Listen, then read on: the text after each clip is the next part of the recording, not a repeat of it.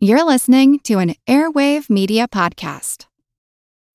When you need mealtime inspiration, it's worth shopping Kroger, where you'll find over 30,000 mouthwatering choices that excite your inner foodie. And no matter what tasty choice you make, you'll enjoy our everyday low prices, plus extra ways to save, like digital coupons worth over $600 each week. You can also save up to $1 off per gallon at the pump with fuel points. More savings and more inspiring flavors make shopping Kroger worth it every time. Kroger, fresh for everyone. Fuel restrictions apply.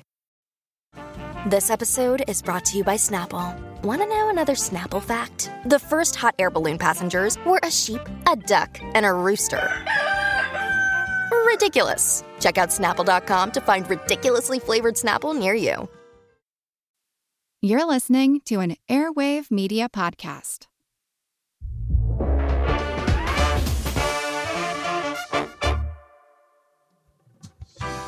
I'm Rafer Guzman, film critic for Newsday. And I'm Kristen Meinzer, culture critic and co author of How to Be Fine. Together, we host Movie Therapy with Rafer and Kristen. In each episode, we read letters from real people in real quandaries. Emily says, Dear Rafer and Kristen, I'm raising a kid who is, to put it bluntly, weird. Then we dispense a bit of questionable advice. I'm so bad at dating. No. I'm, like the, I'm the worst dater. Oh, God, I'm just horrible at it. And finally, we prescribe movies and TV shows to help our listeners through whatever ails them. I like the doppelganger character, this kind of. Uh, no, gosh, it was terrible. It's part advice show, part watch list, plenty of empathy, and lots of laughs. Did my wife write this letter in under the name Katie? Listen to Movie Therapy with Rafer and Kristen wherever you get your favorite shows. That's Movie Therapy with Rafer and Kristen. No matter how good we are at what we do, no matter how normal the day begins, things just go wrong. Sometimes we see it coming, but most times we simply don't. I'm Frank Supovitz, the host of When Things Go Wrong. You'll meet fascinating people who had to manage difficult problems, often under tremendous pressure. From business leaders, law enforcement pros, athletes, actors, and more, you'll hear stories of tragedy and triumph and learn how they met crisis head on. Find When Things Go Wrong on your favorite podcast app. Almost 10 years ago, Bloomberg journalist Brad Stone captured the rise of Amazon in his bestseller, The Everything Store. Since then, Amazon has expanded exponentially, inventing novel products like Alexa and disrupting countless industries, while its workforce has quintupled in size and its valuation has soared to well over a trillion dollars. Jeff Bezos' empire, once housed in a garage, now spans the globe.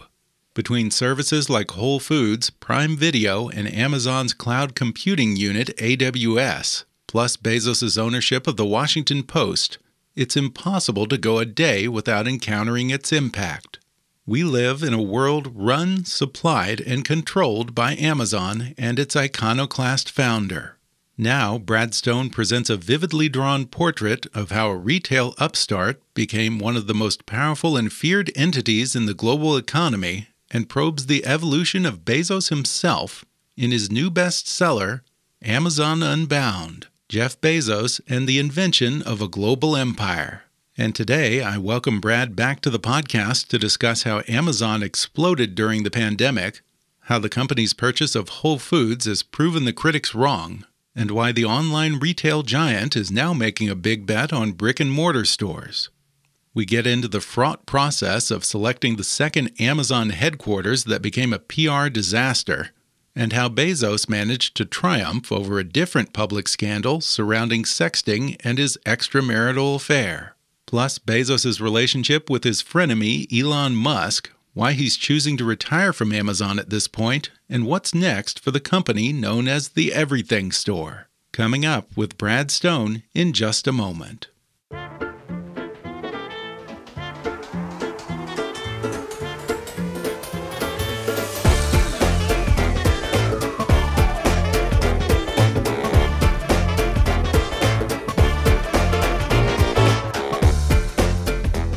Brad Stone is Senior Executive Editor of Global Technology at Bloomberg News and has covered Silicon Valley for more than 20 years.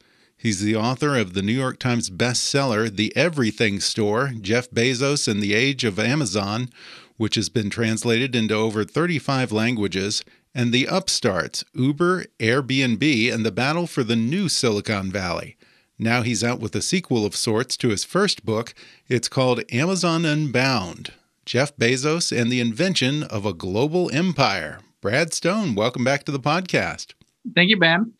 Well, Brad, your first book, of course, covered Amazon founder Jeff Bezos' ambition for this little online bookseller to become what he called the everything store and to expand into all other markets. Six or seven years since that book, has Amazon achieved that dream? Can you think of any legal product that Amazon doesn't sell? Probably. I like the qualification of legal. Um, you know, yeah, real estate. Um, what else don't they sell? That's a fun, uh, kind of a fun exercise.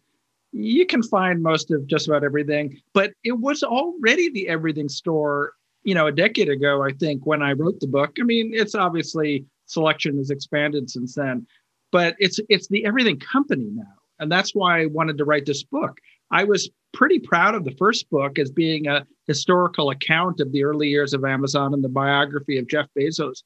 But I came to realize that the whole thing was sort of outdated, right? With Alexa and the, the grocery stores and the globalization of the marketplace, Jeff's ownership of the Washington Post, his space company Blue Origin, the whole peculiar tabloid scandal around his personal life, and then Amazon's navigation of the pandemic there was really like a whole other story to tell. I kind of joke that um, this is the Empire Strikes Back, the first book with Star Wars.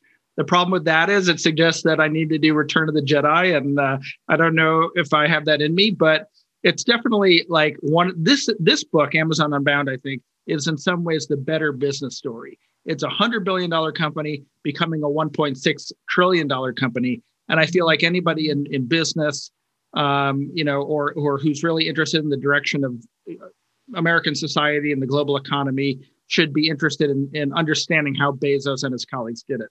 Uh, yeah, there's absolutely no doubt that the pandemic has actually been a boon for Amazon. Uh, let's talk numbers. From the start of this pandemic to right this moment, how much has Amazon's revenue grown?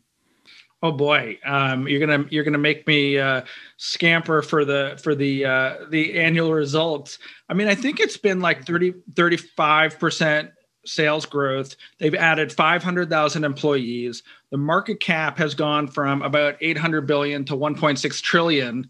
Actually, it was it had touched 1 trillion, I think, in in in 2018, but then it dipped back down and it, it surpassed the the threshold to stay right in the early days of the pandemic and now it's one and a half trillion dollars. So by every measure, it's like an extraordinary growth.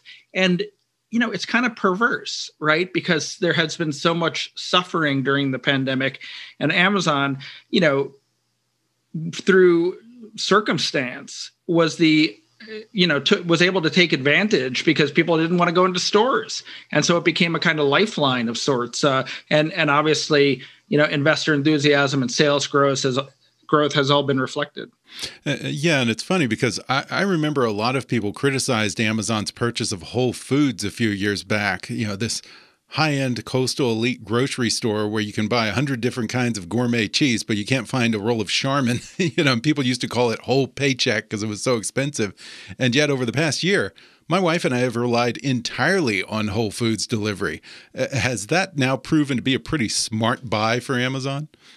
Well, it's interesting. And I, I tell the whole story of, of Bezos's awakening to the grocery imperative in, in the book. And he was really reluctant for a long time, even though his, his uh, deputies were bugging him about it, because he thought that groceries would be there, that it wasn't a land rush opportunity. He, he saw investments in China and India and in Alexa and um, the Fire Phone, which ultimately failed, as being more urgent priorities. And then what happened, and this often happens uh, in the history of Amazon, they say that they are not com- focused on competitors, right? Every company says that, and Amazon makes a big deal out of it. But in about 2015, Google started delivering groceries, a service called Google Express, and Instacart came on the scene. Uh, and started delivering groceries from major grocery stores. And Amazon realized that it potentially could be outflanked. And the grocery category, even though it's a very difficult one and is very low margin, is important because people shop for food multiple times a day.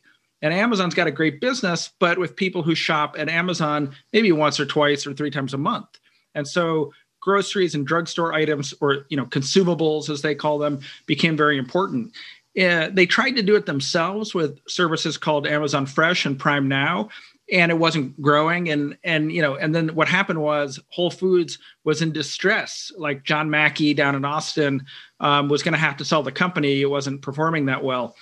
So I think it was smart. It was circumstance. But what we've seen re- recently is Amazon is is opening up a different kind of grocery store. They're called either Amazon Fresh or they're called Am- the Amazon Go stores, and they use a lot of technology in the ceilings and in the shelves uh, or in the in the grocery carts uh, to automatically charge customers for what they buy. And so, yes, it was smart to buy Whole Foods, but in some ways, the future of Amazon and groceries isn't Whole Foods. I think they want to do you know, they, they want to offer Charmin and and Pepsi, you know, things that people want, and uh, but and they also want to use technology to kind of d- disrupt the business. Well, I want to ask you about that expansion into brick and mortar convenience stores. Why does the biggest online retail giant suddenly feel the need to invest in a bunch of sort of high tech 7 Elevens? What's their game there? Okay, well, this is another story I tell in the book.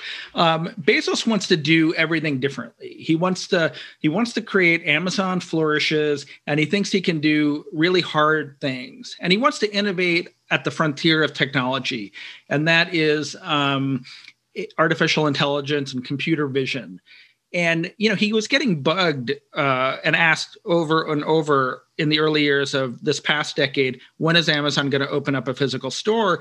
And he he wanted some unique way to do it.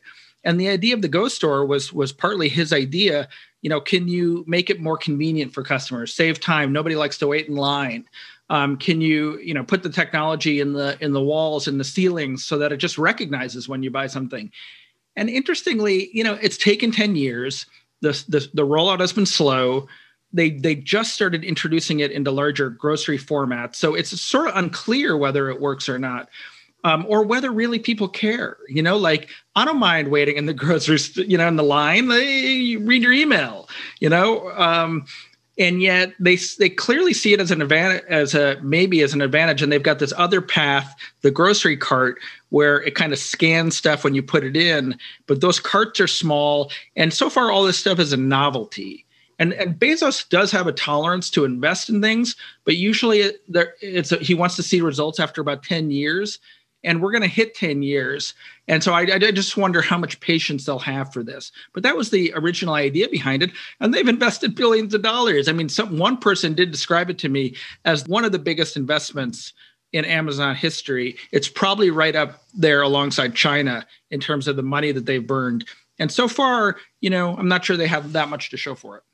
You mentioned a moment ago Alexa. You actually report in Amazon Unbound that Jeff Bezos was intimately involved in the development of Alexa, even handpicking the voice actress for Alexa. Why was this so important to him? I mean, there has to be a larger strategy. I'm guessing that it wasn't just about selling speakers or digital assistants. So, what was the end game with Alexa? Well, first, let me say just because I'm enormously proud of it, I, I did have this goal for myself when I started the book, can I figure out whose voice that is coming out of the speaker? and well, yeah, so it's in the book, um, and and you know we knew who who Siri's voice was, but never who Alexa's voice was, and so I figured it out that it's this woman Nina Rolle uh, from Boulder, a voice actress, and uh, Amazon wouldn't let her talk to me, but I, I was able to confirm that it was her. And you go to her website and you can tell it's her voice, you know, doing these commercials. Um, and who knows, that could be the most ubiquitous voice in history, maybe. I mean, maybe we can figure like who would be who would maybe the subway announcer in New York. I don't know, but um, used to be James Earl Jones on CNN, you know, but I think she's she's certainly surpassed that. yeah, maybe Darth Vader. Yeah. Um, but wow. Bezos, yeah, he he's a science fiction fan, and he had this notion that you know of a versatile uh, artificially intelligent assistant, um, like her, you know, the the movie Her or the Star Trek computer. That was the big one. And funny, funny enough, Alexa's never really reached that, right? It's not conversational. Um, but you know, he had the vision. He also wanted to exploit Amazon's advantage in the cloud, and Alexa's brains are with in Amazon's uh, data centers. You know, he and and like a lot of new things at Amazon, even ridiculous things. Like I, I have in the book how he spent all this time trying to develop a single cow burger for Amazon's grocery service.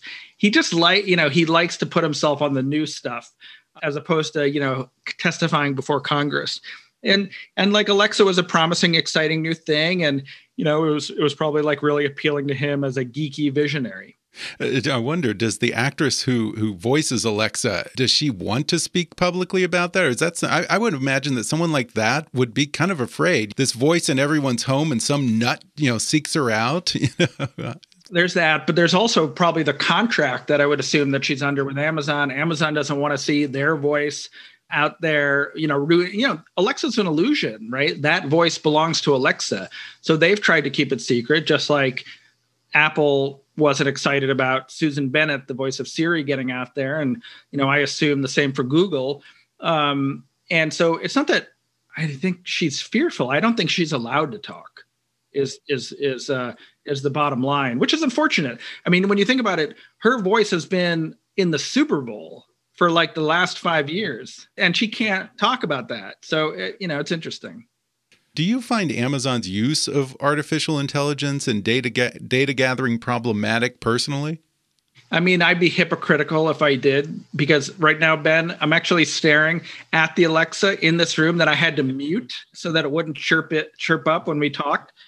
You know if if if like i was really fearful then i wouldn't have one in my office where i wrote and conducted most of the interviews for for this book. Now okay to be clear i did have it on mute during most of those interviews but i don't know. I feel like maybe maybe this is sort of a weakness of mine but i just feel like if any of these companies really betray their their customers trust or manipulate you know they're, they're going to suffer the consequences. And of course we have seen big mistakes often they're technical errors.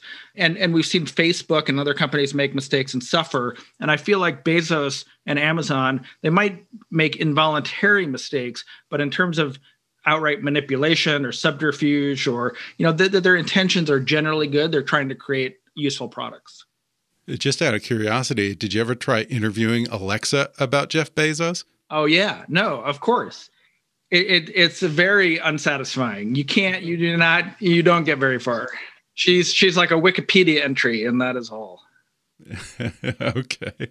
Well, I want to talk about another one of Bezos's pet projects, his space company, Blue Origin, which is sort of lagged behind SpaceX and Virgin Galactic. You get into that in this book, and I'm curious, what has held Blue Origin back up till now? Yeah, it's really a great question um, because Bezos isn't accustomed to being second in anything. And here, SpaceX is, you know, pulling off technical feats every single day. And not only that, but the government, the US government, is paying SpaceX to go to space. And meanwhile, you know, Blue Origin hasn't launched any anything meaningful yet. They've done some tests. And Bezos is personally financing it with at least a billion dollars worth of Amazon stock.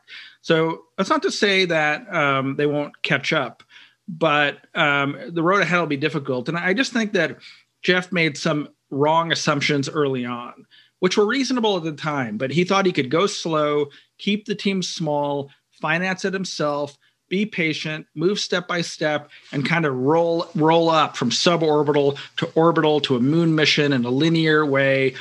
And you know, SpaceX skipped all the intermediate steps, went right to orbit, and commanded all the attention and the glory and the government dollars. And halfway through, Bezos decided he wants to play that game. You know, why should he spend the money if all of these contracts from NASA and the Pentagon are up for grabs? And so he kind of changed the operating tenor of Blue Origin. He brought in a new CEO. And when you do that, you change gears rapidly, I think you can create a kind of dysfunction. And, you know, there's turnover there.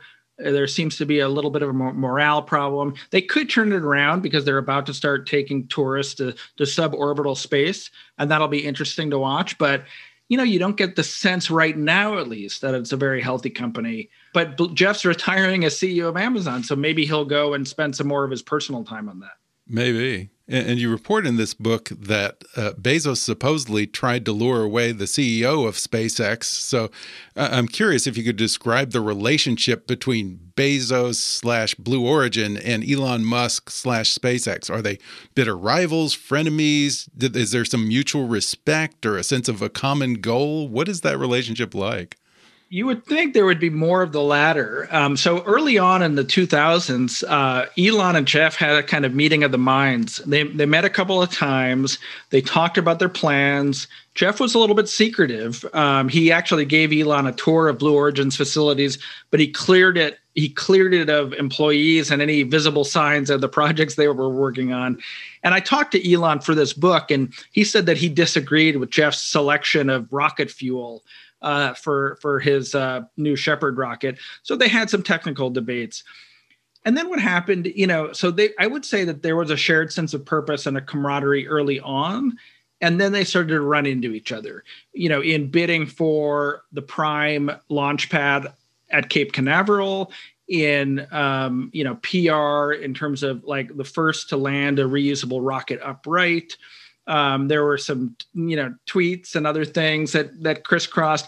You know, Elon's someone who's punchy uh, and little little combative on social media, not as disciplined as Bezos. And you know, and there's been a tit for tat. And I would say right now, because they compete for things like the, the NASA's moon mission and and other high profile contracts, it is a rivalry, and it's a one sided one because, you know, as much as Blue Origin wants to say that it's not a race that there might be many winners. Right now, there really has only been one winner, and that is SpaceX. And so, you know, I guess the, the the point to make is that Bezos is still the wealthy wealthier guy, and you know, and has built probably the more significant and impactful company in Amazon. But clearly, there's a little bit of a rivalry there, and boy, is it entertaining to watch and and to write about.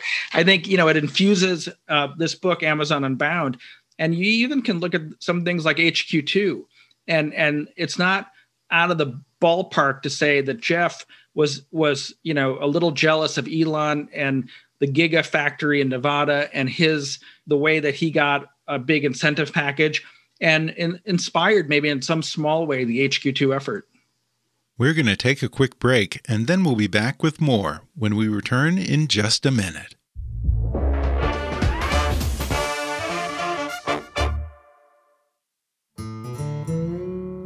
The Old West is an iconic period of American history. Legendary names of the era still resonate today. Jesse James, Billy the Kid, Butch and Sundance, Wyatt Earp, Bass Reeves and the Texas Rangers, Sitting Bull, Crazy Horse and Geronimo, and many more. The gunfights, bank robberies, train robberies, and battles are still featured in movies and TV shows. But on the Legends of the Old West podcast, you'll get the true stories and I promise the true stories are just as action packed as the movies, if not more so. I'm Chris Wimmer. Join me for the only in depth, long form storytelling podcast dedicated to the Old West that'll give you the true story with cinematic production value enhanced by music and sound effects. Find Legends of the Old West on Apple Podcasts, Spotify, Pandora, Amazon Music, or wherever you're listening now. I traveled through time to tell you this. Almost everything that happens in politics today has happened before, has been debated before, maybe in slightly different forms. On My History Can Beat Up Your Politics podcast, since 2006, I've been examining the history behind today's politics and adding layers of context to some of today's debates and telling some great stories. I'm Bruce Carlson. Join me at www.myhistorycanbeatupyourpolitics.com or wherever you get your podcasts, Apple Podcasts, wherever else you get your podcasts from. Learn how George Washington and FDR supported vaccines in their time. Warren Harding or Ulysses S. Grant took stands on racial justice. John and Abigail Adams and what they had to say about free speech and the press. What Abraham Lincoln had to say on that what were the conspiracy theories that had to be debated during the debate over the Constitution? Were things more partisan or less partisan in the past? We're balanced on My History Can Beat Up Your Politics, so I promise you won't be infuriated even if you don't agree. We take a balanced approach. So listen, www.myhistorycanbeatupyourpolitics.com. Interesting. Well, I want to talk about that because you write at length about the selection process for the second headquarters. But I'm also interested in the events that preceded that. Seattle, where they've been based all these years, grew increasingly hostile to Amazon, or some might say Amazon grew increasingly hostile to Seattle and the local government. Uh, tell us a little bit about that. Right. I mean, Amazon, Seattle before Amazon was a different place, right? I mean, it's, you know, it was sort of suffering in the 90s. Um, there was, you know, uh, this this vibrant underground culture, uh, you know, grunge rock, and what happened, you know, is it Amazon went from a company of a couple hundred employees to a company of 50,000 employees that occupied a large swath of the commercial real estate. And you know, this was happening along with the general economic renaissance and the tech boom. And uh, Seattle underwent a lot of changes, um, increasing housing prices, increasing rents, increasing homelessness. And the same, I live in the Bay Area, and we had the same thing happen here. And the result was the tech techlash protests against Google buses, you know, new tax initiatives. And the same thing happened in Seattle. There were some very progressive slash socialist members of the city council who were elected, and they start passing taxes that are almost exclusively aimed at big companies, Amazon in particular. And, you know, Bezos, who keeps an eye on some of these things, um, my sense is, you know, he took it personally, or you know, that he felt, or the Amazon leadership felt that they had done a lot for Seattle, and here they were being villainized and singled out, and that led, you know, to this decision. And I reported it in the book for the first time that Amazon is going to stop growing in Seattle. Bezos capped the growth at fifty thousand employees. They start opening offices in Bellevue across uh, Lake Washington, and they start the HQ2 initiative. And you know, it's funny because that process sort of went off the rails, right? Like they, they thought that there were these political winds blowing unfavorably in Seattle, but it turned out when they went to New York, that same storm system was was occurring there too. Right. I think they had something like 200 cities vying for the privilege of becoming home to Amazon's HQ2 and really it sort of devolved into a glorified rose ceremony. and it, don't you think that it kind of reinforced this image of Amazon as this big arrogant corporation that you know thought everyone should feel you know so privileged to have them? Yeah. Yeah, that wasn't their intention. And they thought that this would be a clarifying exercise. Okay, Seattle, some of the politicians might hate them, but everyone else will want them to come there. And uh, and then in New York, they walked into this storm um, that was fueled in large part by the election of AOC, by the bitter rivalry between uh, Mayor De Blasio and Governor Cuomo in New York State, and by um, you know the fact that Amazon had become a trillion dollar company and the whole techlash and the and the feeling that a big incentive package was kind of unseemly. And then add the cherry on top of that cake, um, mixing metaphors. Cherry on top of that sundae um, is uh, Bezos himself getting personally interested in helicopters, flying helicopters, owning helicopters, dating someone who flew helicopters, and asking for a helipad in New York City at a point where there was a kind of social panic about the crumbling state of the subway and traffic and gridlock. And the whole thing just like culminated in this imbroglio uh, that that resulted in them pulling out of, of New York City. Uh, which of these 200 cities actually made the real short list for HQ2? Yeah, yeah, that's a good one. And remind me, Ben, where where are you? Where's the? I'm in LA. Okay, you're in LA. They looked at LA and they rejected it um, because they thought. And I I saw all the memos, by the way, in the HQ2 process, and it's all in the book. Um, LA was, you know, it's California. They said in the in the documents, business hostile state, not geographically diverse enough for for Amazon. Um, but I got the the selection committee's final recommendation, and it was Raleigh, Chicago, and Philadelphia. And and then they took it into the meeting. And the interesting thing is Andy Jassy, the now the soon to be new CEO of Amazon, is a big Giants fan. He said something like, "Well, nobody's going to want to live in Philadelphia. The Eagles are based there." And he was probably, who knows if he was joking or not, but people couldn't believe that after all the hard work and the public spectacle, that the choice was going to end up being a little bit of a personal one by the leaders. And, you know, look, some of the worst most critical interpretations of that project while it was happening was that Amazon was going to go where Jeff wanted it to go and where he owned homes. And he owned he owns homes in New York and Washington D.C. So they might have had reasons for you know the talent that's based there um, and the you know the political corridor, the power, the corridor of political power. But ultimately, they kind you know they rejected the the site selection committee's recommendation and they basically went along with the most cynical interpretations of the whole process from the beginning. Right. I would have thought that Raleigh would have made a lot of sense. I mean, a lot of businesses have, been moving to North Carolina lately. It's a fa fairly favorable tax environment. And and a low cost to build, right? Um, and and some, you know, not you know, not not too much distance from the corridors of technical talent, but um, yeah, ultimately probably not big enough. I mean, while, while, all this is happening, Seattle's blowing up, and they realize that HQ2 is going to have to be bigger and move faster than they originally thought. And another controversy that's come up with Amazon is, you know, particularly the pandemic has exacerbated these fault lines between the company and Amazon's workers. Where are things with that? Well, I mean, I think you're right, but we we can only reflect a couple weeks ago when the the employees in Bessemer, Alabama, had an opportunity to unionize, and they rejected it by a two to one margin. So, the broad answer to your question is like the status quo kind of prevails. Amazon employs hundreds and hundreds of thousands of people in the fulfillment centers.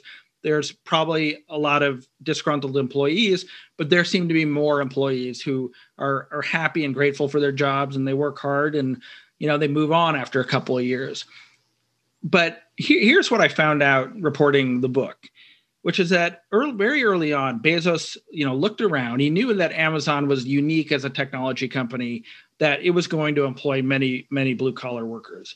But he, he could look at like the automakers you know with with these strong unions that um, you know will, will go on strike or renegotiate a contract every few years. Um, you know as a result um, the factories have moved overseas, and overseas competition has really disrupted that market. Or one might argue that you know innovation has come from other sources in, in the in the world in terms of uh, automobile innovation. Tesla is a great illustration. Tesla, you know, being uh, vehement, just as vehemently anti-union as Amazon.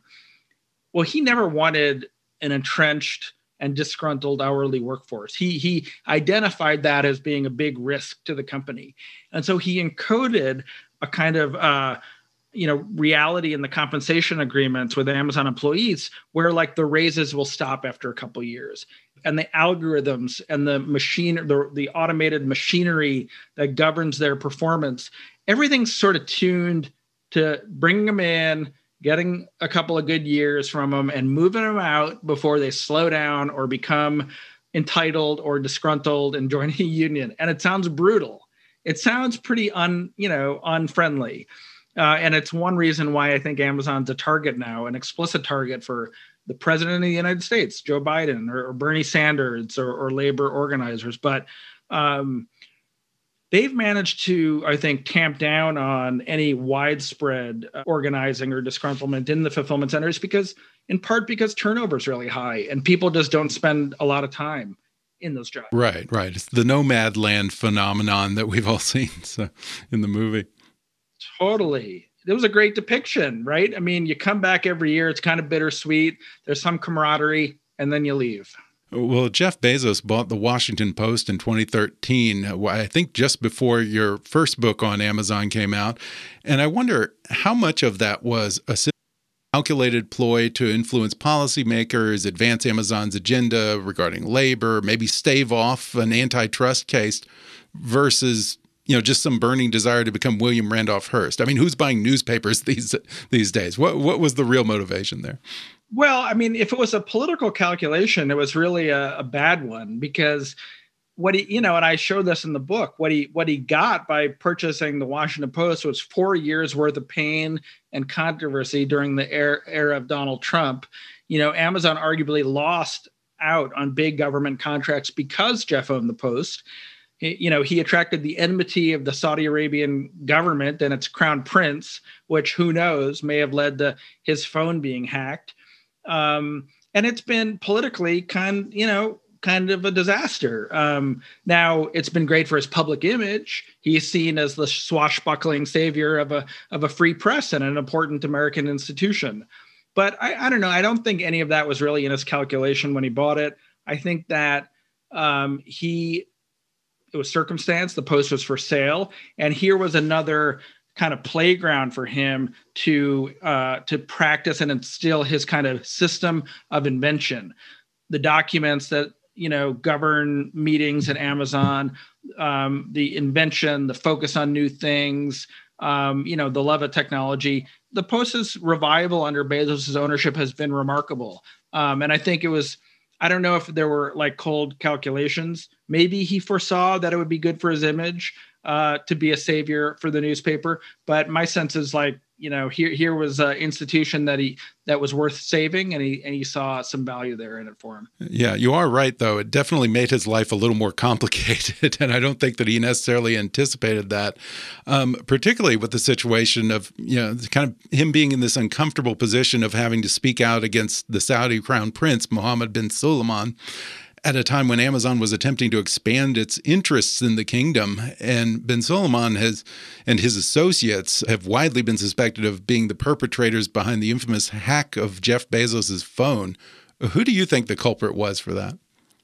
Well, okay. I mean, let's let's back up and say, you know, they the, the real kind of crime was the assassination of Jamal Khashoggi, the the Washington Post columnist, and then you know, in the Post dogged kind of coverage of the murder and then MBS's you know retaliation against the Post and Bezos, the owner, uh, for you know the, the the tenacious coverage, and then you know the the personal saga in his life and his relationship with Lauren Sanchez was happening at the same time.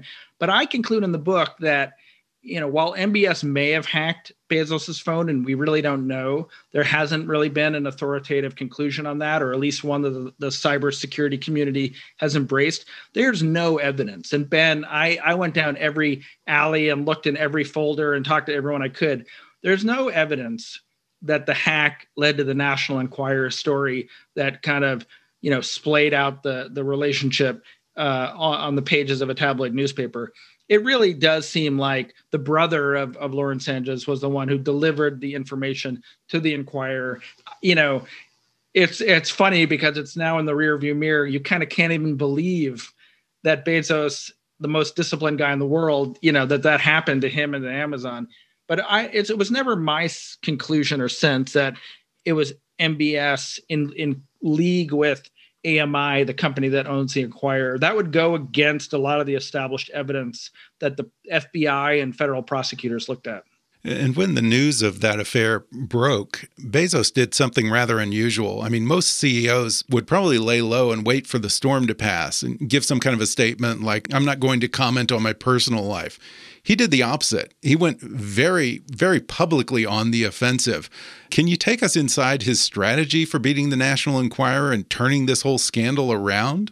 He has a advisor named Gavin de Becker, whose whose books um, I probably have one on my bookshelf right now. Yeah, here it is. The Gift of Fear, whose books advise it's all about the psychology of fear and criminals. And De Becker's books advise when you're when you're faced with an extor- you know an extortion attempt, the best thing you can do is to diffuse it is to just make it public. And then you you rip away any of the advantage that the extortionist has.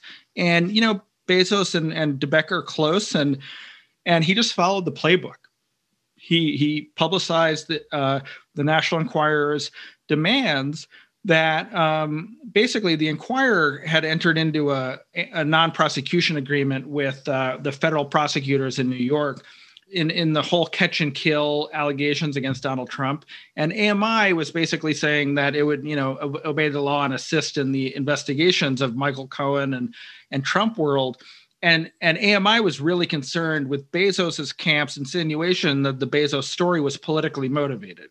And if I've lost anyone, I don't blame them. It's totally confusing. And so AMI was basically saying you can't keep saying this is political. It wasn't political. Um, you know, and and here's the information we have. You know, please stop these dangerous insinuations. Some of which were, by the way, happening in the Washington Post. And you know it, it, was easily read as an extortion attempt. And bezos followed the De Becker playbook and he just published it all. And a lot of it was embarrassing. And he you know he didn't seem to care you know and that, maybe that's his superpower. Like he's willing to go fall flat on his face in public with with products at amazon and in his personal life. And you know didn't make a difference. The the editor of the Enquirer got fired. You know i tell the whole sordid story in my in the book uh, and he moved on and you know we we excerpted this part in Businessweek magazine last week and the cover story was uh, the cover line was jeff wins again and that you know and that was like he did he outmaneuvered the tabloids and he's recently announced his plans to step back from the day to day operations at Amazon and transition from CEO to executive chairman. Did that factor into his decision, or why retire now? What does he want to do? Yeah, well, it's a good question, Ben. I, I, go back to that antitrust subcommittee hearing last year where he's testifying over Zoom with uh, Mark Zuckerberg and Tim Cook and Sundar Pichai and I just thought, you know, the whole thing is political theater and spectacle. And he can't get four words in edgewise before, you know, someone is talking about, you know, censorship or how mm-hmm. Amazon has too much power. And I just wondered, is this really how he wants to spend his time being the punching bag figurehead? Um, you know, he says he's going to be executive chairman and, and focus on new products at Amazon. He's also got his philanthropy and Blue Origin, which we talked about. Um, I, I don't think he'll be going far, um, but I just feel like Andy Jassy, the the successor, is presents a kind of humbler target. When you're the wealthiest guy in the world, you know, you're sitting there in front of Congress, like it's not going to end well. and so he gets to kind of hide in plain sight right now. Yeah, sort of sort of seems like he's following the Bill Gates playbook there. Now, you mentioned in here that uh, Bezos has sort of transformed himself from this kind of geeky guy to this fitness nut. And I've heard stories that he takes like 50 different vitamins a day and he's spending millions or billions on bioscience and longevity. Is he a transhumanist? Does he have plans to live forever? I've heard some stories too, and I don't know what's true or not. I, my sense is that um, he's probably more realistic about immortality. Um, but like clearly the transformation has happened in front of our eyes, right? The the geeky technology, yeah, technologist is now like you know an action hero, and um, you know just like uh, it's funny because I'm gonna I'm I'm gonna start making random non sequiturs right now, but the kind of classic image of the wealthy uh, plutocrat was like, you know, a fat old guy with a cigar, right? And now it's like a super in shape, you know, buff, uh, you know, dude with with you know a clean shaven head who's you know sunning on on the deck of his yacht, and that's right, and that's the modern billionaire. And Bezos, that's exactly Bezos, and he is building a yacht, which I report in the book. Yeah, which um, it's funny because 10 years ago or 20 years ago, I would have said, that's not him. You know, he he prefers um, he likes his jet because it saves him time, but he's so focused. And and that, it's a really great symbol of how he has evolved. Well, I know you have to go, Brad. Real quickly before we wrap up here, um, you've been reporting on Amazon for some time now. What other sectors do you see them expanding into over this next decade? Healthcare, is one that all the big tech companies want to crack. Uh, satellite internet access is, is another one. Um, robotics, you know, Bezos, we talked before, earlier how he's got you know he's trying to realize these science fiction visions and the idea of a robot assistant or a little C-3PO or R2-D2 that follows you around that's something that amazon's working on uh, and then I would say international expansion. You know, it's not just the everything store, it's the everywhere store. And they've got a lot of work to do still in India and, and South America um, and probably Eastern Europe, um, you know, before they reach that kind of global ubiquity. They kind of failed in China already. Um, and so, yeah, I think, you know, that's there's a lot of opportunities there still for Amazon, which is the scary thing because it's already the third largest company in the world. And when you think about it, it's it's in all all the big industries where it operates are still have plenty of room to grow. Uh, online retail and enterprise computing, and and voice voice computers. So you know, we might be talking in another 10 years, Ben, when I've done the Return of the Jedi installment and Amazon's like a $10 trillion company. Right. Yeah. That ceiling just, uh, they never seem to hit it. so, well, the book is really fun and fascinating. And again, it's called Amazon Unbound Jeff Bezos and the Invention of a Global Empire. Brad Stone, thanks for talking with me. Thank you, Ben.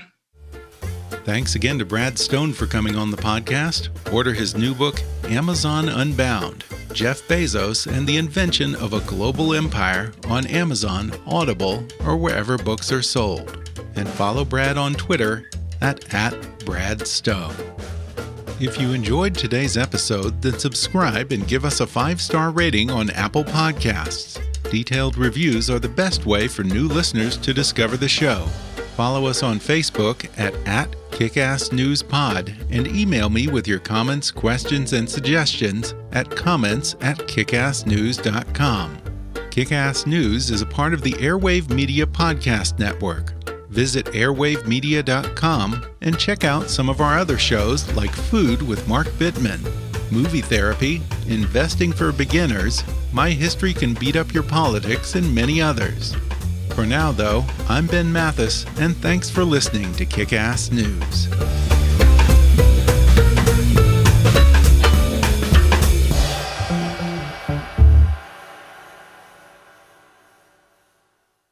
Airwave Media Podcast.